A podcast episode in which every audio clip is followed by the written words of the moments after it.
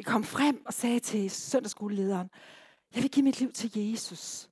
Og så sagde hun, nu skal du lige gøre det alvorligt, ikke?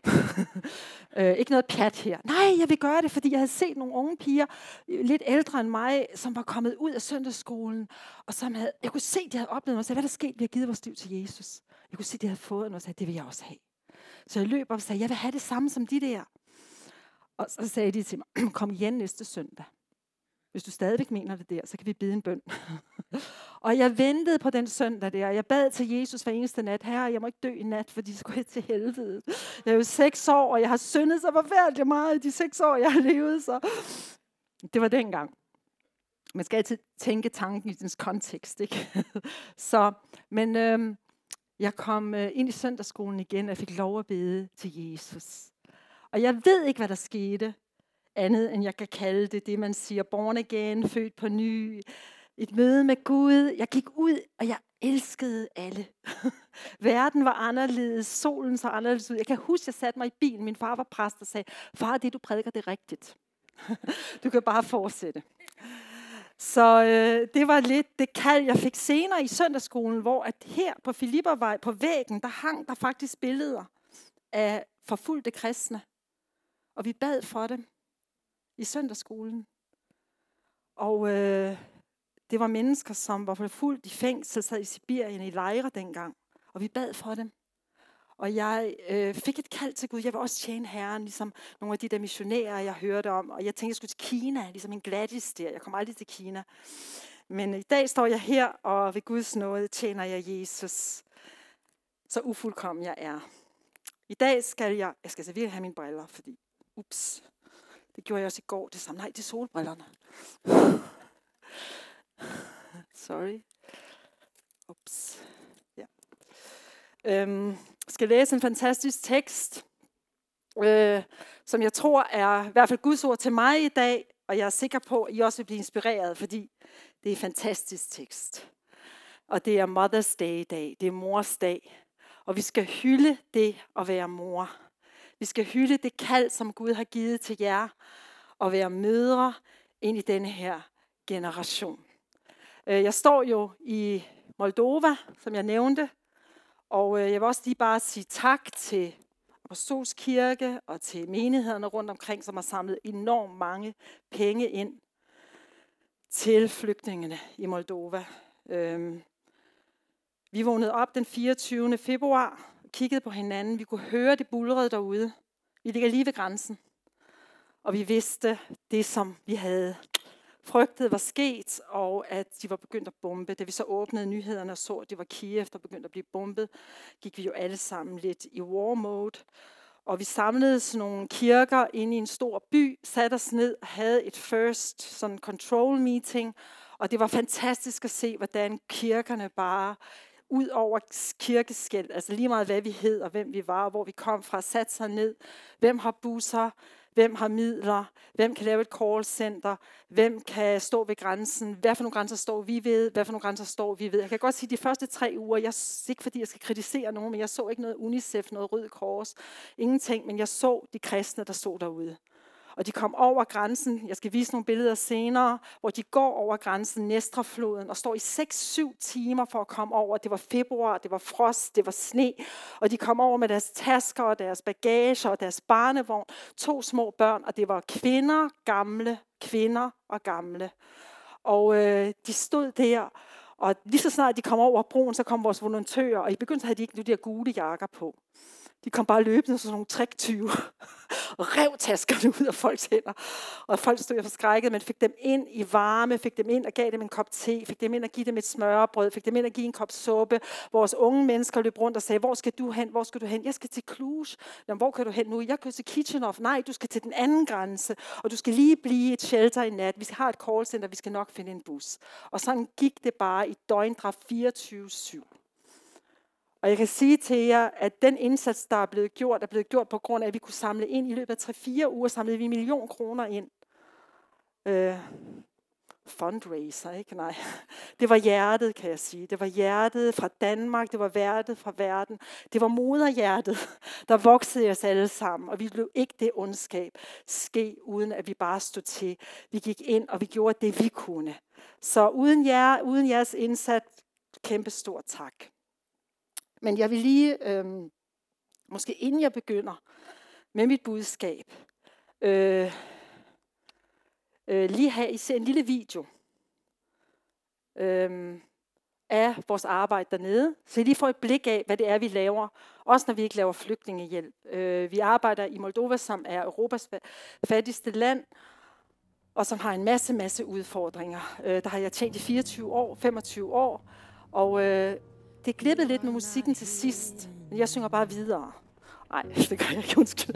Jeg skal bare se det. You were forgotten, you are not hopeless. Though you have been broken, your innocence stolen. I hear you whisper underneath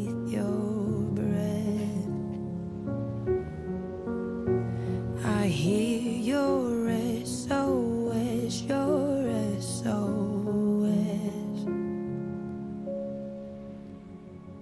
I will send out an army to find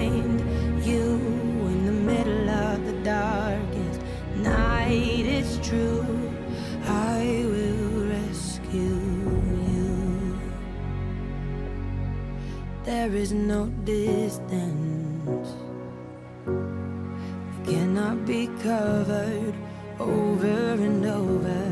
You're not defenseless. I'll be your shelter, I'll be your armor. I hear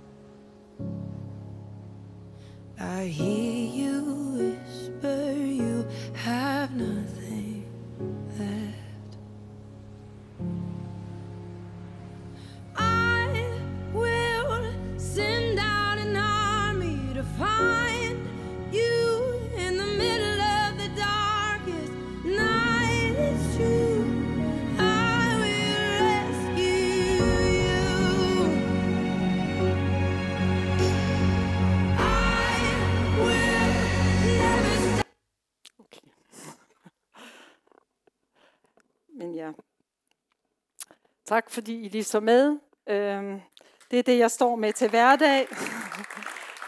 Og det er i 25 år, jeg kan sige, det er ikke klap til mig. Det er bare, bare Jesus det hele. Altså, ellers havde vi ikke holdt til det. Øh, Gud er god. I dag har jeg et øh, ord, som jeg vil læse for jer. Det er en hel kapitel i Isaias bog. Øh, og det er til dig. Og det er til moders dag. Øh, da jeg fik det her ord, jeg tænkte, hvad skal jeg sige til moders dag? Hvad skal jeg sige til dig, som sidder her, som ikke blev mor? Hvad skal jeg sige til dig, som blev mor by accident? Hvad skal jeg sige til dig, hvor moderskabet ikke blev til det, du havde regnet med? Øh, Hvad skal jeg sige til dig, som stadigvæk sidder med spørgsmål i dit moderskab med dine børn og bekymringer? Hvad skal jeg sige til dig? Hvad skal jeg sige til mig selv, som er mor til tre drenge og har en masse piger i mit liv, som jeg også er mor fra, fordi jeg hedder Mama Charlotte. Mama Charlotte! Står de og kalder på mig.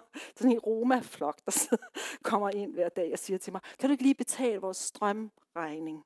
Så kigger jeg på den. Vi betaler det halve hver, sagde jeg. Det kunne se dem på syv en halv krone. De kom det var med tre en halv krone til mig. Så kunne de lige pludselig regne. Men ja, Mama Charlotte har mange opgaver. Men øh, det, som jeg vil læse til jer i dag, det er fra Jesus. Jeg tror, det er fra Gud. Det er fra faderen. Og han siger til dig, Råb af fryd, fryd, du ufrugtbare, du som ikke fødte. Bryd ud i jubel, i råb af glæde, du som ikke fik vejr. For den enlige kvinde får flere børn, den der er gift, end den der er gift, siger Herren. Gør mere plads i dit telt, spænd teltduen ud, spar ikke på den. Gør barn bardunerne lange og slå pløkkerne fast. For du skal sprede dig mod syd og nord, dit afkom for folkeslag i eje. De skal bosætte sig i forladte byer. Frygt ikke, du bliver ikke til skamme. Vær ikke beskæmmet, du bliver ikke vandæret. For skammen fra din ungdom skal du glemme. Din ekstastans vanære skal du ikke huske på. For din skaber tager dig til hustru. Herskarens herre er hans navn. Israels hellige løskøbte dig. Han kalder hele jordens Gud. Han kaldes hele jordens Gud. Ja, Herren har kaldt på dig, en forladt og bedrøvet hustru. Skulle en hustru fra ungdommen forkastes, siger din Gud. Et kort øjeblik forlod jeg dig, men i stor barmhjertighed tager jeg dig tilbage. I overstrømmende vrede skjulte jeg et øjeblik ansigtet for dig, men i evig troskab viser jeg dig barmhjertighed. Siger Herren, der løskøbte dig. For mig er dette som Noas dage, som jeg dengang svor, at Noas vandflod ikke skulle komme over jorden igen. Sådan sværger jeg nu, at jeg ikke vil blive vred og true dig. For bjergene kan rokkes, og højene vakle, men min troskab mod dig rokkes ikke, og min fredspragt vakler ikke, siger en Herren, der viser dig barmhjertighed. Du hjælpeløse, du stormhærvede, du som ikke finder trøst. Se, jeg sætter din mur af malakit. Og jeg lægger din grundvold med safirer. Jeg sætter din mundtinde med rubiner, dine porte med karflunker, og hele din ringmur med ædelsten. Alle dine sønner skal vel oplære af Herren. Dine sønner får stor lykke. Du skal grundfæstes, grundfæstes på retfærdighed. Undertrykkelsen er langt borte. Du skal ikke frygte. Rejsen skal ikke nå dig. Hvis nogen angriber dig, er det imod min vilje. Den, der angriber dig, skal falde i kamp mod dig. Det er mig, der har skabt smiden, som blæser kulinen op og fremstiller alle slags våben. Jeg har skabt ødelæggeren, som til intet gør. Intet våben, der dannes imod dig, skal nå sit mål. Hver tunge, der rejser sig imod dig, skal du dømme skyldig retten. Sådan er Herren, tjenerens lod. Den retfærdighed kommer fra mig. Deres retfærdighed kommer fra mig, siger Herren. Tak for jeres tålmodighed, da jeg lige læste hele det her kapitel. Og jeg kan faktisk næsten sige amen. For jeg tror, at Gud allerede har talt ind i vores liv. Øh, det, som jeg vil dele med jer, det er øh, den forståelse af, hvordan Gud ser på moderskabet. Nu kommer jeg jo fra en russisktalende land, og i Rusland, der hedder det jo ikke, og i hele den østeuropæiske land, der hedder det jo ikke et fædreland. Det er jo et moderland. og jeg ved ikke, men I kan alle sammen kendt til de der matroskager, kan ikke det, de der? Det er sådan den moderen, ikke? Og så åbner du op, og så er der en mor mere. Og så åbner du op, og så er der en til mor. Og så åbner du op, og så er der en tredje mor, og det er moren. Og det er moren, der kan, og det er moren, der gør det, og det er moren, der får tingene sker og ske. Og det er moren, som producerer, og det er moren, som skal være der. Og Gud han siger til os i dag, jeg vender det hele på hovedet. Og jeg siger til dig i dag, at du som føler dig ukomplet, måske mislykket, du som har regrets, hvad kalder man det? Fortrydelser. Jeg siger til dig i dag, at du er den mor, sådan som jeg ser på det. Og Herren har talt tror jeg, ind i det her, de her tre ord, som jeg vil dele med jer. Og det er tre tanker, som er, det er et ord, som er kommet til mig gennem en sang, jeg har hørt på det sidste. Øh, som jeg har lyttet til, hvor at de bliver ved med i komkvædet at synge, You are enough. Du er nok.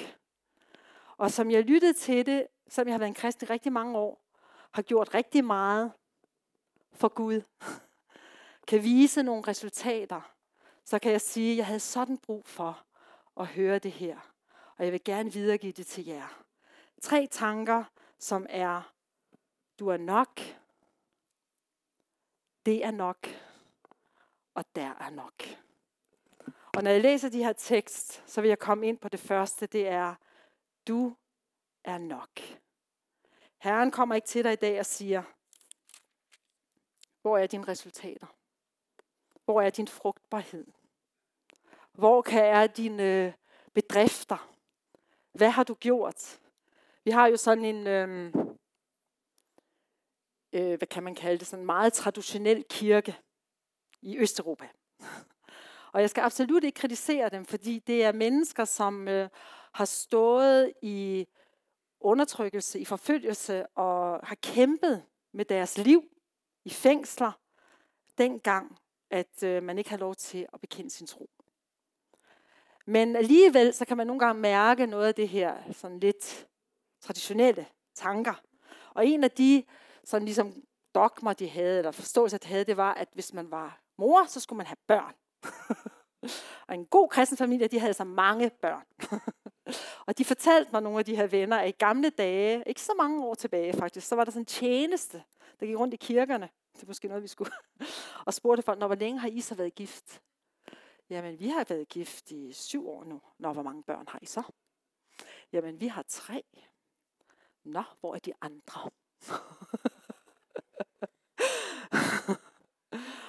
og vi griner. Men nogle gange så er det sådan, når vi kommer sammen i kirkerne, så er det jo sådan, når vi taler med hinanden, så er det jo sådan, når vi ser på Instagram, så er det jo sådan, at vi lever i en verden, hvor at det er vigtigt, hvad tøj ens baby har på. og alt glæde til dig, Karen, fordi jeg har også oplevet det der med at gå rundt med en meget slidt barnevogn. det var ikke slidt nede i Ukraine, var den slidt. Men jeg havde fået den. så jeg ved det, og jeg siger bare, hvor er det godt, at Gud han kommer ind og ser de her ønsker og giver os det, vi har på hjerte. Men i denne hele verden, så er du aldrig nok. Du er aldrig nok. Og der vil altid komme nogen og sige til dig, at du som i dit kald og i din tjeneste og i din motherhood, hvad kalder man det, morskab, eller haha, nej, hvad kalder man det på dansk? Moderskab. Der er vi aldrig nok. Og hvis du ikke har fået de børn, så er du da slet ikke nok. Men det, som Jesus siger igennem Messias 54 til dig og til mig i dag, det er, at han siger, råb af fryd, du ufrugtbare, du som ikke fødte. Hvorfor gør han det? Er det, fordi han glæder sig over, at der var et ønske indeni, der ikke blev opfyldt? Er det fordi, at i dag, så skal vi ligesom, nej, det at være mor, det, selvfølgelig er det fantastisk. Ikke? Dem af os, der har fået den glæde at få et barn. Vi ved, at det øjeblik, vi stod med den der baby, og jeg tænkte, åh, bare det bliver en pige denne her gang. Jeg fik jo to drenge, og så, det må man jo ikke sige, det ved jeg godt. Nej, men, altså. men så tænkte jeg, åh, nu kunne det være. Og så fik jeg den her tredje dreng, og så sagde det var det, jeg ville have.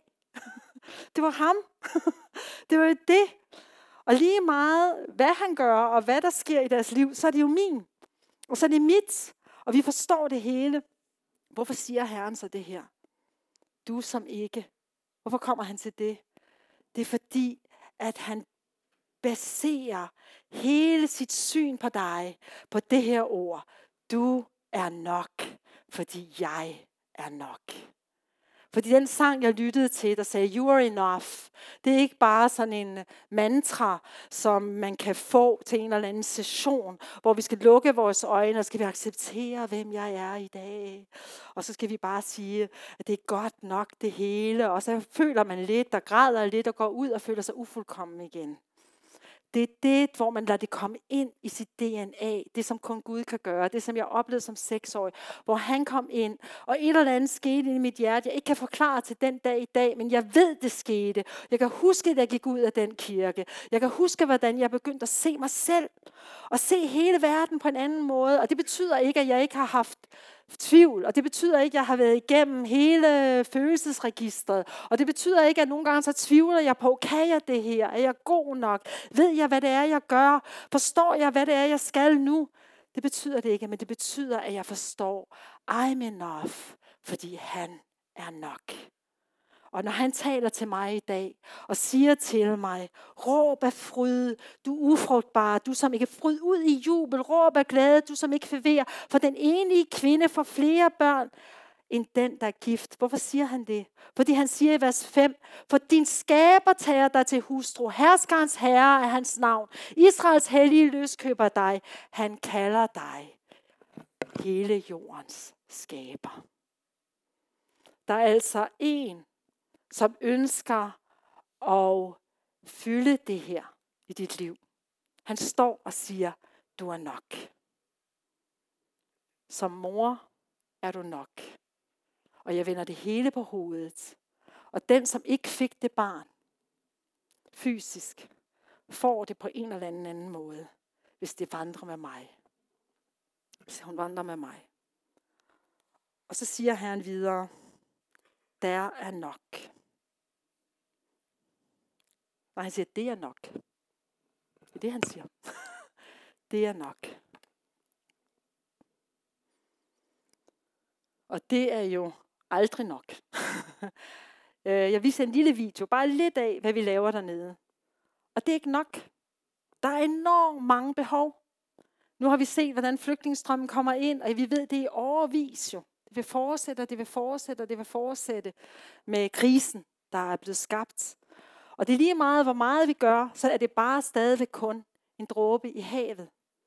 Og sådan ved vi det også i vores liv og i vores familieliv, og det vi lever med til hverdag og i hver dag, der vil altid være her. Hvad gør dig træt, og hvad gør dig stresset? Det, som du nåede, eller det, som du ikke nåede? Ikke? Det ved vi alle sammen. Det var det, som jeg ikke gjorde. Det, som jeg ikke fik sagt.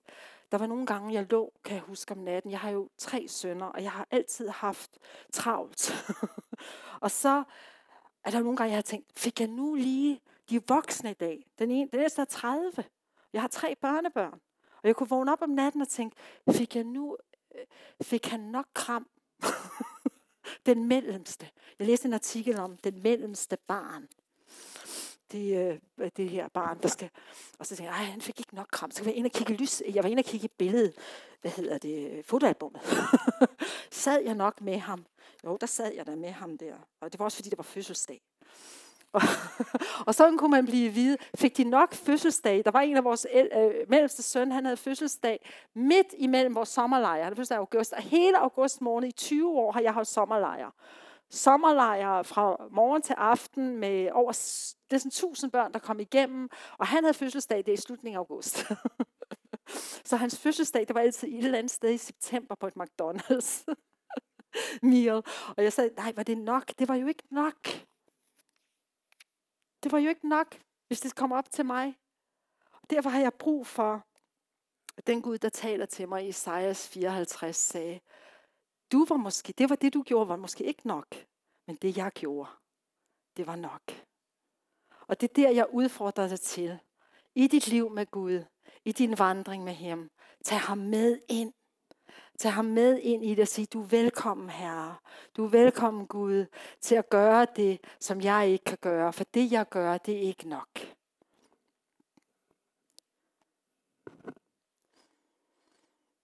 Herren han siger til os i dag, at der er nok. Der er nok. I en verden fuld af mangler, hvor vi står i en situation, som er så frygtelig og skræmmende, og vi hele tiden mærker, at behovene kommer, og de bare banker på. Og vi som i mit moder kalder, uh, vi skal ud og hjælpe dem alle sammen. Jeg kan huske, da flygtningsstrøm først begyndte at komme over, og jeg øh, stod der i en situation, hvor vi simpelthen ikke havde nok plads. til at lægge folk ud på gulvene der, og vi kunne ikke have nok busser, og man måtte jo tage dem, som var svage, så dem, som havde de yngste børn, og så man sige til de andre, de ringede på vores callcenter, kan vi stå over rundt hos jer? Så det kan I desværre ikke, jeg har ikke plads.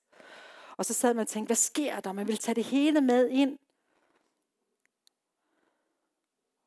Herren siger til os i dag, der er nok. Jeg snakkede med nogen, der kom fra Herson, øh, en hel gruppe. De bor hos mig nu, og som har været en hel måned under okkupation. Russisk okkupation er kommet ud derindefra. Og de har siddet i kældre, og de har siddet og blevet bombet, og de er kommet ud. Seks poster har de skulle være ud af. Og øh, russiske poster skulle de igennem for at komme ud med bilkonvojen, de kørte. Og de fik et ord fra Gud, deres præst sagde til mig, vi bad sammen, vi sidste, der tog afsted. Og vi øh, bad Gud om, og så fik vi det ord fra Paulus der med, det de blev, kan I huske, at han blev firet ned af muren, og der var en, en snor, der i kurven der. Han skulle ud af byen, de ville slå ham ihjel. Og det ord fik de, og han sagde, den her bilkonvoj, der er en snor der bliver, I skal, nok, I skal nok komme ned, I skal nok. Og de tog det med sig, og de kom ud, og de sad inde på kontoret, hvor jeg mødte dem og aftalte, at man nu ville så evakuere dem ind til Moldova. Og da vi sad der og snakkede, så den ene har fortalt det, sagde, jeg har lige fået en besked. De sad i kælderen i tre uger. De var 80, og de kunne ikke komme ud. Og det sidste havde de tilbage en par kiks, og sådan en flaske cola. I kender godt sådan en halv flaske cola vand. Det var det sidste, de havde tilbage. De var 80. Jeg ved ikke, om I stadigvæk har tro i jeres hjerter, når jeg siger, at de fortæller mig, at vandet ikke slap op, og der var kiks, da de tog ud af den her kælder. Nogle gange, når nogen spørger mig om vores rejse, nogle gange, når nogen spørger mig om, øh, hvordan vi har vandret med Gud, og hvordan vi har taget ud på mission og det hele, så spørger jeg dem tit, hvad for en historie vil I have? den naturlige eller den overnaturlige? Fordi hvis det skulle være den naturlige, så havde der aldrig været nok. Hvis det skulle være den naturlige måde at gøre det på, så havde det ikke kunnet række til. Og jeg kan også sige dig, vi ser i dag så mange mennesker, hvor det rækker ikke til. Vi kan se skibsbrud. Vi kan se, altså skibsbrud med menneskeligt set. Vi kan se mennesker, som det crackede. Og selvfølgelig skal vi ikke bare gå ind og dømme og sige, det var derfor, det var derfor, det var derfor. Men midt i, midt i det hele, så er der bare et længsel i mit hjerte, at mennesker må forstå, at hos ham er der altid nok. Der er nok til dit moderskab. til dit faderskab. Der er nok til din forældrerolle, hvordan den end ser ud. Der er også nok til det, som Gud har bedt dig om at gøre. Der er også nok i den situation, du står i, hvor du menneskeligt set forstår, at der ikke er ressourcer, når du kigger i... Der var en, der spurgte mig, hvordan skal vi lave missionsprojekter, Charlotte? Hvordan mener du, vi skal gøre det? Skal vi sætte et budget op først, eller skal vi først skal vi sige, nej, nej, I skal bare gøre det, I har på hjertet. og de kiggede så lidt på mig med store øjne. Så jeg, jamen det, det skal nok gå. Fordi der er det overnaturlige i det. Der er den lille halvliter colaflaske, som de der mennesker, der sad og blev bombet inde i Herson i en kælder. Og det var ikke nok. Og jeg tror ikke, at det var sådan, de sad, der er nok, og så drak de, så det tom, så kan du bare vente til den bliver fyldt op igen. Det gør det. De, de tog vel en lille slurk hele tiden, og det blev for meget. De knækkede vel den kiks lidt ud, og en eller anden mærkelig måde, så sørgede Gud for, at der var nok. Det, som Gud han taler til os i dag, det er det, som han kan, og ikke baseret på det, som vi kan. Øhm. Og så spørger vi os selv, jamen hvis han kan, hvorfor tillader han det så?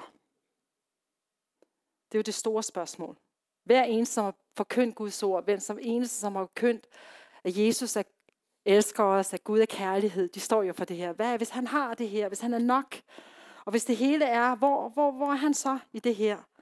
Og han siger til dig i dag, og til mig i dag, at der var ikke et eneste, han siger, hvis nogen angriber dig, er det imod min vilje. Og så siger han helt fantastisk, den der angriber dig, skal falde i kamp mod dig. Og her der tænker jeg ikke på menneske, det der slåskamp og krig og det, der foregår, men jeg forstår, at vi står i en kamp i dag. Vi står også i en kamp mod ondskaben. Og det, som han siger til dig og mig i dag, det er, jeg er nok i det. Jeg skal nok fylde det op, også i det svære. Og jeg kan godt sige, at jeg har set rigtig meget svært i de sidste to måneder nu. Øhm, men jeg har også set en Gud, som griber ind. Jeg har også set, hvordan han er med på en helt fantastisk måde. Jeg fortalte nogle af historierne i går. Jeg kan ikke lade være med at bare at, øh, gentage en af dem. Og det var, at øh, jeg alle sammen hørt om øh, Bucha, øh, den der bydel lidt uden for Kiev. Det er uden for Kiev. Mega by Kiev, megapol altså. De første flygtninge, der kom ind over grænsen, de kom jo i deres Lexus og Jaguar, og mine naboer, de sad bare og kiggede. Du ved. Men de havde jo også brug for at komme væk fra krigen. Og de sagde, kan vi, vi har stået 10 timer i kø, de havde fyldt deres bil, altså ros til dem, de havde fyldt deres biler med børn og grandmas og hunde og katte. Ind med det, og så kørte de over grænsen og kom ind der. Og de kom ud fra Butcher, nogle af dem her, der fortalte den her historie. De sagde, tre kvinder, de sagde, vi tog bare vores rygsæk, og så vidste vi, nu skulle vi ud. Men vi kunne ikke komme forbi de der russiske poster, så det vi gjorde, det var, at vi fandt en vej gennem skov og mark og tænkte, Gud med at være os, nu gør vi det bare. Og de sagde, de gik i togen der om natten, og hun sagde, jeg sang inde i hele tiden. Jeg sang. Jeg kunne ikke synge, vi måtte jo ikke larme, men jeg sang. Jeg sagde, Gud, du er der. Det der våben der, det skal ikke virke mod mig. Den, som angriber, det skal ikke. Og hun sang. Og så sagde hun, så kom de tre kvinder, de gik på vejen der. Hun fortalte, at så da de kom hen og så det ukrainske flag, så gik de jo hen på vejen sådan her, med deres hvide armbånd. Og så kom de hen til posten, og da de kom hen over posten, så sagde de ukrainske vagter til nu kan I bare tage det der hvide. Det skal I ikke have her. Der skal ikke være noget tegn på, at man ikke må skyde jer. Der er ingen, sidder ingen sniper og vil skyde civile her. Og de omfavnede de her soldater. Og så sagde de, men hvor er den fjerde? Der var der, der var der en høj, der gik, en høj mand, der gik sammen med jer. Vi kiggede. Tre. Kan I genkende historien? Hvor det fjerde der er nok, fordi han er med. Der er nok, fordi han går med. Og øh, jeg sad inde igen en gang. Vi var ved at evakuere nogle unge, øh, nogle mødre med deres børn.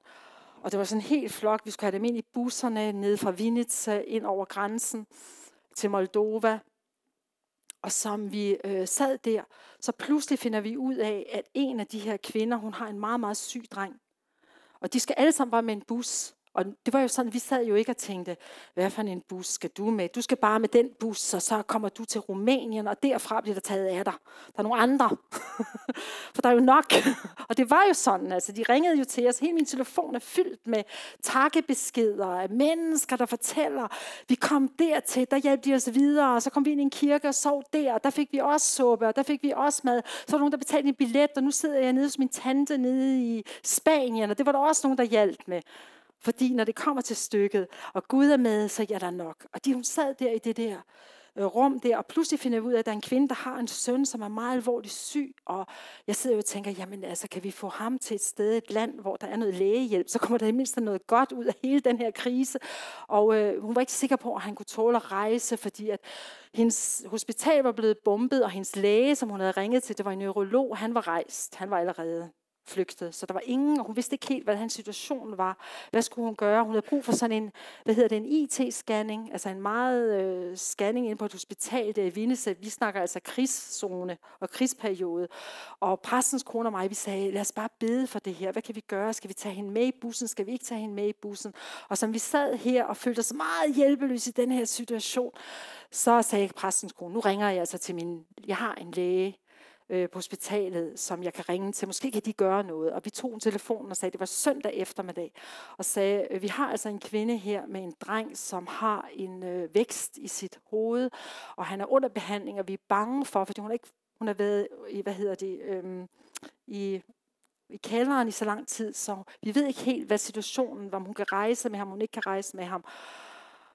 Og lægen sagde, det var da interessant, at I ringer nu, fordi jeg er faktisk på vej til at lave en IT-scanning med en gammel kone, en patient, jeg har taget på mig. Og I kan bare lige komme ind på hospitalet, så gør jeg det med ham også. Og vi kom ind på hospitalet, de fik lavet den her scanning, og jeg skrev en tekst til en kvinde, jeg faktisk mødte på brunchen i går. Og øh, vi fik sat hende på bus til Danmark, og drengen under behandling i Danmark. Fordi at Gud er nok. Og han er nok også i din situation. Og han er nok også i det, som du går igennem.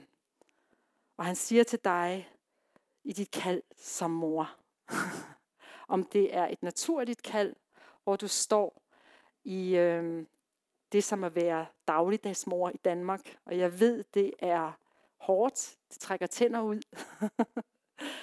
jeg boede lige et lille døgn med min bror, da jeg lige kom ind her. De skulle til eller andet sted, hvad hedder det, Costa Rica, nej, Mallorca, nej, vi kan ikke huske det. Men du skal være på ferie. Og jeg kan se, hvordan det hele skal fungere, ikke? Med pakning og det hele, og små børn, og ud af døren, og ind af døren, og det hele er programmeret. Jeg bor hjemme ved dem, og jeg føler mig utrolig ustruktureret. Fordi der er en madplan. Den står jeg sådan og kigger lidt på over køleskabet og tænker, Nå, det kan man også gøre, okay.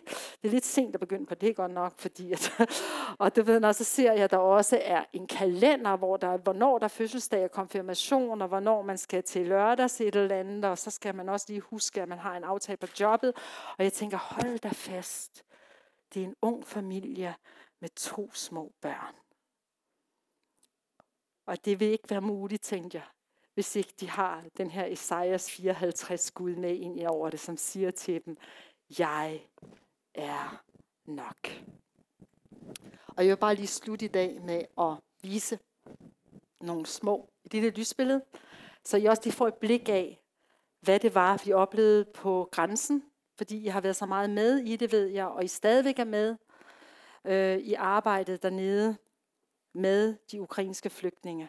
Sådan som det ser ud lige i øjeblikket, så øhm, oplever vi, at øh, vi også er begyndt at blive bombet, sådan lige i kanten af Moldova, og at flygtningestrømmen er gået lidt ned. Folk vil jo ikke lige flygte ind til det næste bombede land. Men øh, vi oplever også, at hele vores forståelse af, hvad det vil sige, at der er vigtigt her på jorden, hvad det er vigtigt, vi bruger min tid og vores liv til, bliver rustet i sin grundvold. Og vi forstår, at vi lever i en meget usikker tid.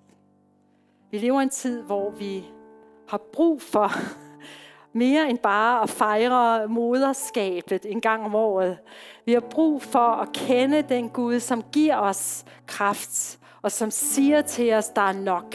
For jeg kan godt sige, at der kommer en tid, tror jeg, hvor at det vil være vores eneste håb. Hvor det igen vil være det eneste grundlag, vi kan bygge på. Og måske priske Gud for det. Måske er det Gud, der tillader for at kalde Europa tilbage til ham. Men lad os lige se øh, nogle små billeder af vores grænse. Der, hvor vi står. Øhm. Ja. Og Gud velsigne jer.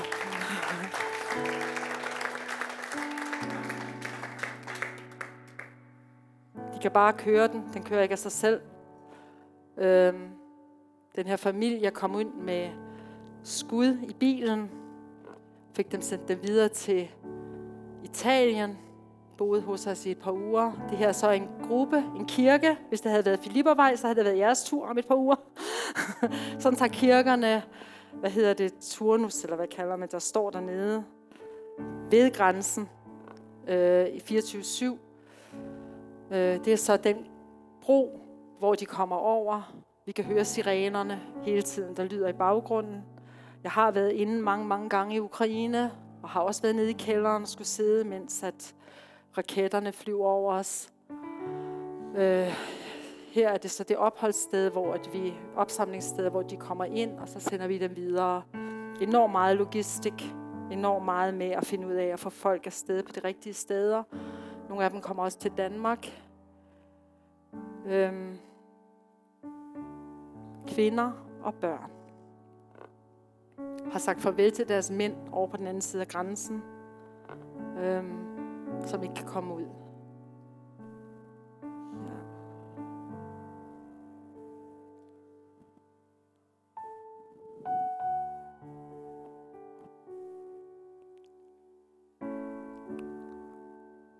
Det er så en hel flok chauffører, som er med til at evakuere folk, også ind over grænsen, og hjælper med at komme ind i de zoner, hvor vi prøver at få folk ud. Også fra Mariupol nu. De kører helt næsten op til 50 km fra fronten og henter folk ud.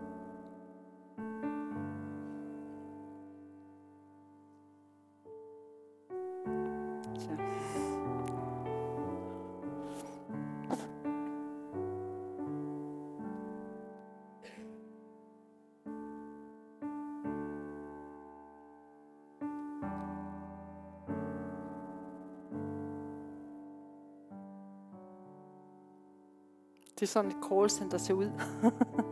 Helt enkelt med et par telefoner og en computer, og så finder vi så rejse videre frem.